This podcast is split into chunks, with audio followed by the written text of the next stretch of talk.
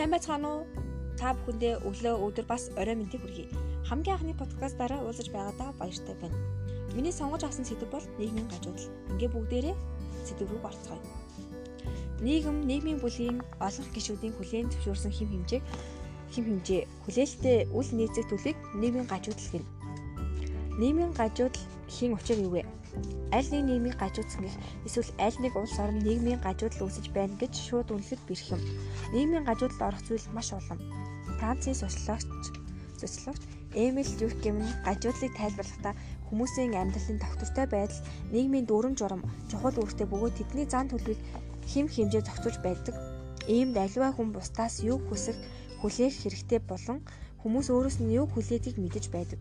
Харин нийгмийн эрс өөрчлөлт нь тэрхүү зогсол нь алдагдаж алдагдах үед зарим хүмүүсийн гаж зан нэмэгдэхэд хүрдэг гэж үзсэн юм.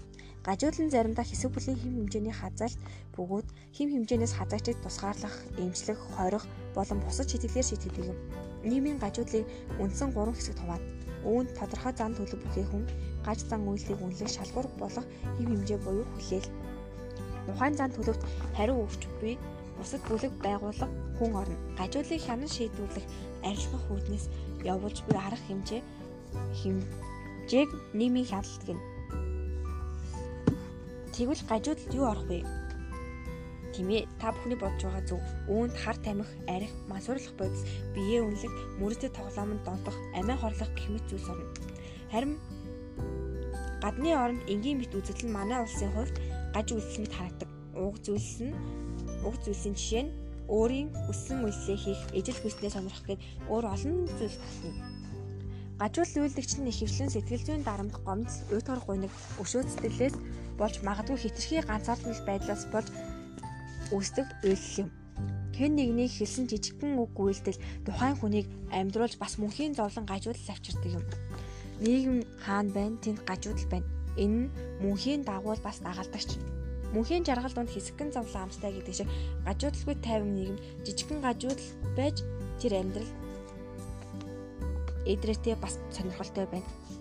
Миний бодлоор гажуудал нь санаатай болон санаасаргүй эс үйлдэх тохиолдолж орж болно. Учир нь гемт хэрэг үйлдэж буйг нүдээр харж ихээр сонссон гэж болсон хүн бусдаас айж хэлэхгүй дууган өнгөрөх нь өөрөө бас гажуудлын нэг хэлбэр гэж боддог. Санаатай болон санамсаргүй үйлдэл дээр хэдлэний жишээ авцгаая. Сурагч Б гих Б нь найз энийг уралдан масуурлах бодис хордуулж улмаар түүнд донтуулж түүнийг мөнхийн хэрэглээ болгож өгсөн юм. Харин найз энэ нь бас болохгүй гэдгийг мэдсээр байж уруу татагдах нь татагдаж түүнийг хэрэглэх нь нийгмийн гажуудлын нэг жишээ. Өөрийн жаргалын төлөө бусдыг хохироож гондоохонч мөн айдал орно. Гэмт хэрэг сэтгцийн өвчин донтолтод өрцөн хүмүүс зарим нь алдаан дээрээс ухаарч үлдсэн үлдсэн түүнтэйгээ дасан зогсож амьдардаг байна. Ухаарж амьдарч алдаагаа давтахгүй хичээж амьдарч байгаа иргэнийг цагаатгад хүн та нийгмийн гишүүн болохынхаа хувьд өөрийгөө болон өрөөлийг гажуудаж болохгүй зүг амьдраарай. Ямар ч зөрчил хоёр үр дагавартай шүү. Энэ нь эерэг болон сөрөг.